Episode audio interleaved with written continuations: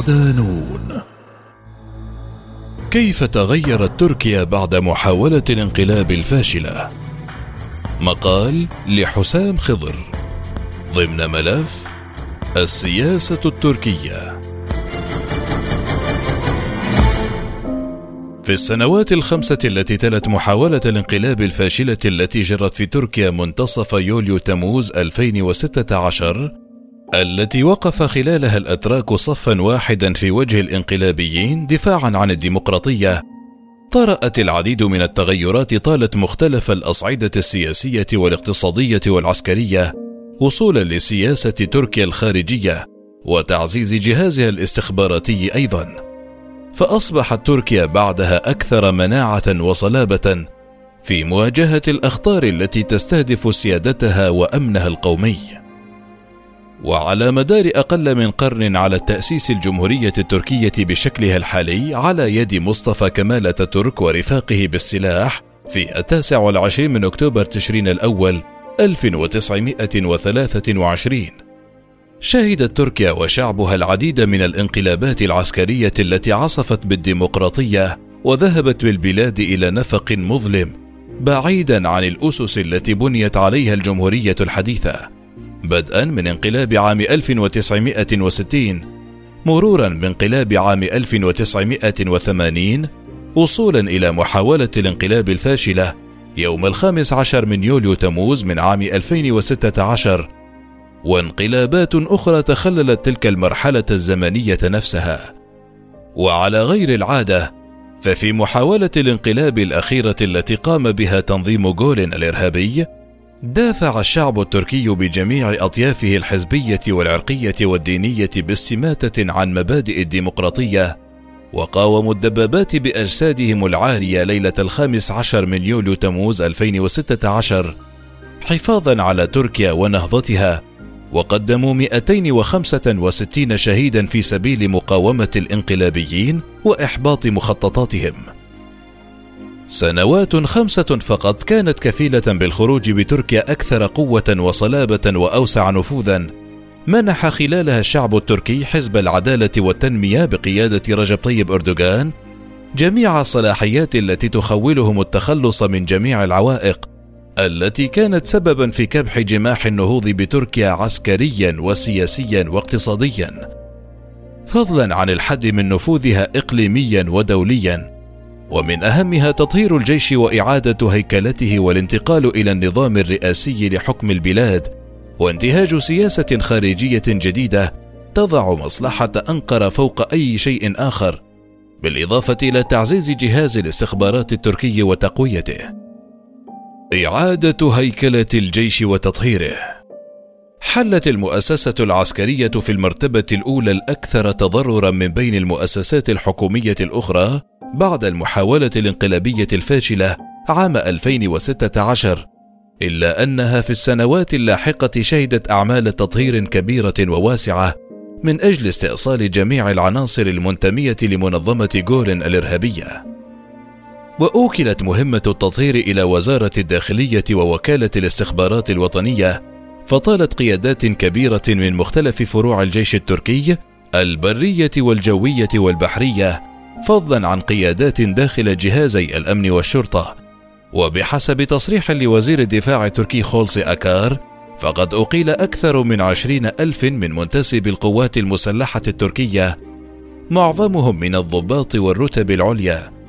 وبغية الحد من نفوذ الجيش التركي ومنع تدخله في مجريات السياسة الداخلية والخارجية للبلاد بالشكل الذي عهدته السنوات التي تلت تأسيس الجمهورية التركية الحديثة تم وضع المؤسسة العسكرية تحت رقابة مجلس الدولة أسوة ببقية مؤسسات الدولة التنفيذية، وألغي القانون العسكري الذي استخدمه الجيش سابقا من أجل فرض الحكم العسكري على البلاد، فضلا عن إلغاء المقعدين اللذين كانا مخصصين للجيش في المحكمة الدستورية التي كانت تضم 17 مقعدا. كما وتقرر محاكمة العسكريين فقط أمام محاكم عسكرية. وعقب عملية التطهير وإعادة الهيكلة التي شهدتها المؤسسات الأمنية والعسكرية والاستخباراتية، صار الجيش التركي أكثر ديناميكية وفعالية، وأصبح بمقدرته المجابهة على أكثر من ساحة صراع إقليمية ودولية من أجل إعلاء السيادة التركية والحفاظ على أمن البلاد القومي. وشهدت السنوات الخمسة الأخيرة انطلاق عمليات عسكرية خارج حدود تركيا في سوريا وليبيا وشمال العراق ومؤخرا في أذربيجان. بالإضافة إلى لعبه دورا حاسما في حماية حقوق تركيا في البحث والتنقيب عن مصادر الطاقة الطبيعية شرق البحر الأبيض المتوسط. وكالة استخبارات أكثر قوة وفاعلية. في السنوات الأخيرة حظيت وكالة الاستخبارات الوطنية MIT بالعديد من التغيرات التي طالت هيكلتها الإدارية والعملياتية. حالها كحال المؤسسات الأمنية والعسكرية.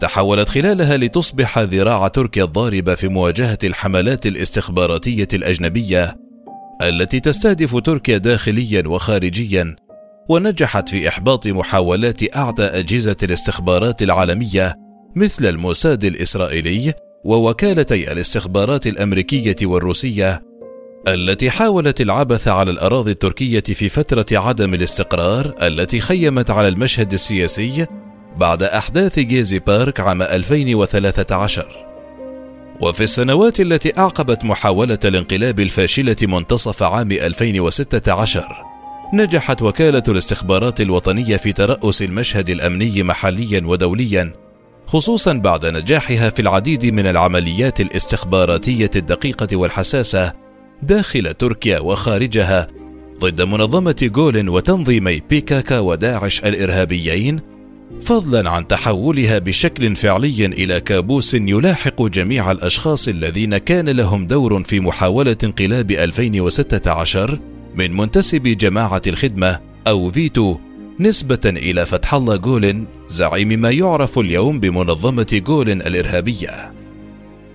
ونجحت الوكالة في اجتثاث معظم أعضاء منظمة جولن الإرهابية من مؤسسات الدولة المختلفة، وساعدت بفاعلية في عملية التطهير التي شهدتها المؤسسة الأمنية والعسكرية داخل حدود تركيا، إلى جانب المشاركة في عمليات دقيقة وحساسة من أجل جلب قيادات ومنتسب التنظيم الفارين إلى تركيا، وتقديم أكثر من مئة شخص للعدالة جلبتهم من أكثر من ثمانية عشر بلدا وأثبتت بجدارة أنه لا يوجد مكان آمن في العالم لقيادات منظمة جولن الإرهابية وغيرها من المنظمات الإرهابية الأخرى التي يأتي على رأسها تنظيم بيكاكا الإرهابي وداعش.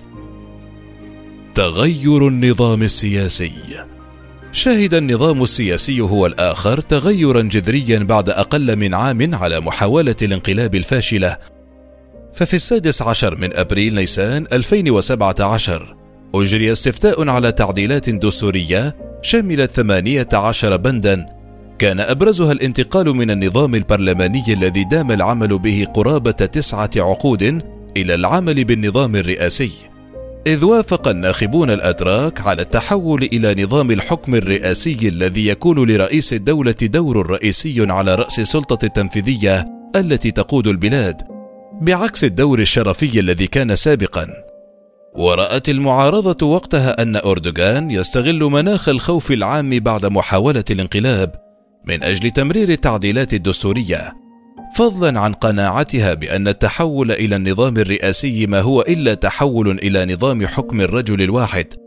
فقد منح أردوغان صلاحيات واسعة دون وجود أي ضوابط حقيقية لمساءلته والحد من ممارساته غير الديمقراطية.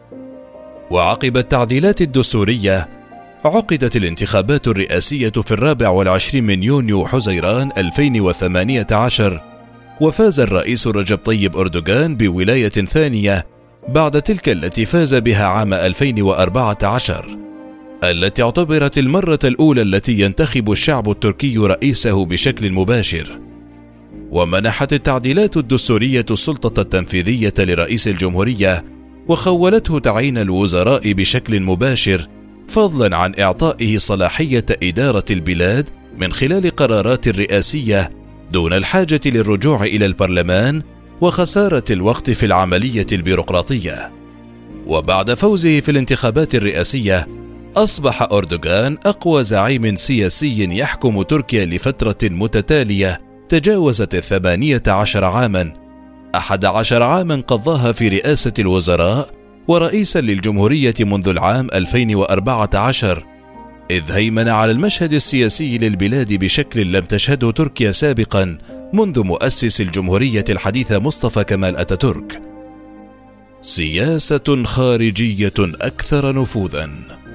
شملت التعديلات والتغيرات السياسية الخارجية لتركيا فقد حظيت هي الأخرى بتغيرات جذرية وإعادة هيكلة لعلاقاتها مع القوى العظمى وإلى جانب قوتها الدبلوماسية التي عملت بها لفترة طويلة وظفت تركيا ديناميكيه وفاعلية جيشها وجهاز استخباراتها وصناعاتها الدفاعية الحديثة والمتطورة أفضل توظيف في الصراعات الإقليمية والدولية بالشكل الذي يحقق مصلحة أنقرة العظمى عبر توسعة مناطق نفوذها وسيطرتها.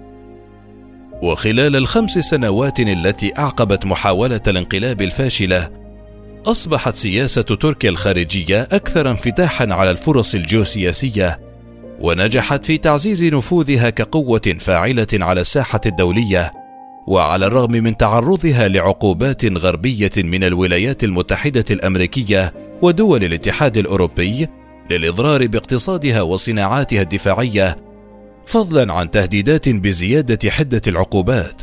فقد حافظت على علاقاتها بالاتحاد الأوروبي وأمريكا بالحد الأدنى دون انقطاع ونجحت في بناء علاقات مثمرة اقتصاديا وسياسيا مع روسيا والصين وشاركت بمشاريع تنمويه كبيرة على طول طريق الحرير الصيني الواعد. ورفضا للعمل تحت مظلة الوصايه الأمريكية والأوروبية وبعد رفض الإدارات الأمريكية المتعاقبة بيع منظومة الدفاع الجوي الأمريكية من طراز باتريوت اشترت تركيا منظومة الدفاع الجوي الروسية المتطورة اس 400 على الرغم من تهديدات حلف شمال الأطلسي الناتو وقامت بمناورة سياسية بشكل يخالف كل التوقعات في ليبيا. تمثلت بتوقيع اتفاقيتين مع الحكومة الليبية الشرعية أواخر عام 2019 إحداهما بحرية والأخرى أمنية دفاعية. كانت كفيلة بتغيير قواعد اللعبة شرقي المتوسط لصالح تركيا. فضلا عن لعبها لدور محوري في قطر بعد محاولات حصارها من السعودية ودول خليجية أخرى. مرورا بتدخلها الذي حسم الصراع لصالح أذربيجان عام 2020 وصولا لبدئها مفاوضات من أجل تطبيع العلاقات مع مصر قد تخلص بتوقيع اتفاقية لترسيم الحدود البحرية على غرار تلك الموقعة مع ليبيا.